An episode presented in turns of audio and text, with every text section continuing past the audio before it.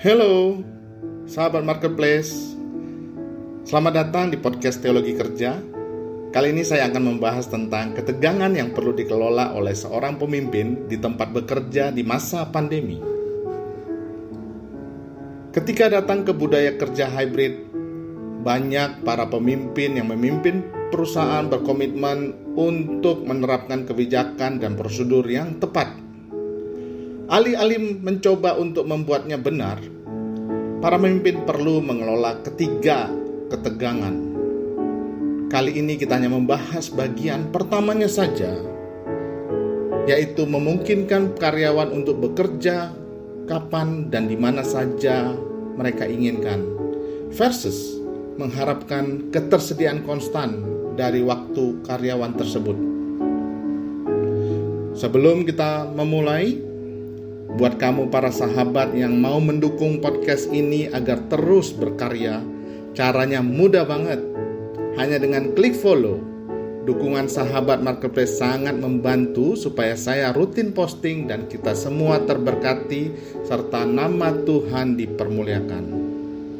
Adapun ketegangan pertama yang perlu dikelola oleh para pemimpin dan perusahaan adalah antara memberi kesempatan kepada karyawan untuk bekerja ketika mereka harus memilih dan memaksakan, baik secara sengaja atau tidak, harapan bahwa mereka tersedia sepanjang waktu. Suatu penelitian telah mendokumentasikan pekerja ideal diharapkan tersedia setiap saat dan sepanjang hari setiap hari sepanjang tahun dan sepanjang tahun dari karir mereka. Selama pandemi, beban harapan pekerja yang ideal sangat berat di pundak perempuan yang sering kali tidak hanya melakukan pekerjaan sehari-hari, tetapi juga terutama sebagai pengasuh anggota keluarga. Salah satu cara untuk melawan ekspektasi ketersediaan yang konstan adalah dengan menawarkan fleksibilitas kepada tim Anda untuk memilih kapan mereka bekerja.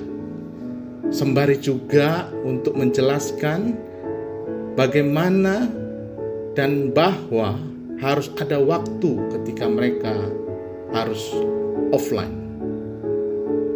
Ada bukti kuat bahwa kontrol atas jadwal seseorang membantu karyawan mempertahankan keterlibatan di tempat bekerja dan melindungi kesejahteraan mereka.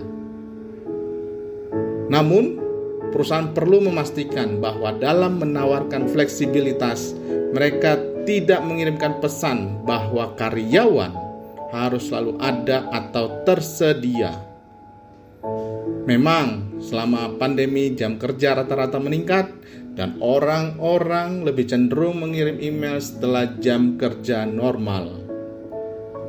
Bahkan di luar pandemi, ketika orang tidak memiliki batasan antara pekerjaan dan rumah dan tidak dapat mematikan pekerjaan, mereka lebih cenderung mengalami kelelahan. Beberapa perusahaan menggunakan salah satu praktek ini untuk mengelola ketegangan ini adalah dengan cara membatasi komunikasi selama jam kerja normal. Pemimpin dapat membuat model ini dengan menjadwalkan panggilan telepon dan email untuk dikirim pada hari kerja berikutnya daripada langsung pada pukul 10 malam. Misalnya, bagi siapa saja yang tidak bekerja dengan jam normal, mereka dapat mengatur tanda di email mereka yang menyatakan jam kerja saya mungkin bukan jam kerja Anda. Tolong jangan merasa perlu untuk menanggapi di luar jam kerja Anda. Hal ini akan memperkuat norma dan etika dalam bekerja. Adapun pendekatan yang lain adalah tidak memiliki waktu kerja di seluruh waktu yang perusahaan tetapkan. Misalnya, Ketika suatu perusahaan menerapkan mekanisme formal yang mengharuskan karyawan untuk mengambil cuti siang dan malam yang telah direncanakan sebelumnya, karyawan melaporkan kepuasan kerja yang lebih tinggi, kemungkinan yang lebih besar bahwa mereka dapat membayangkan karir jangka panjang di perusahaan, dan kepuasan yang lebih tinggi dengan keseimbangan kehidupan kerja mereka. Demikianlah pula kita setelah enam hari penuh bekerja, sahabat marketplace.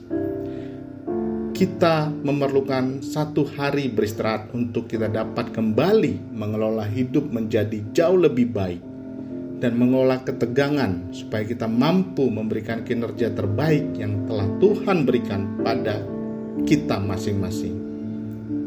Kiranya Tuhan Yesus memberkati pekerjaan dan usaha para sahabat-sahabat marketplace. Amin.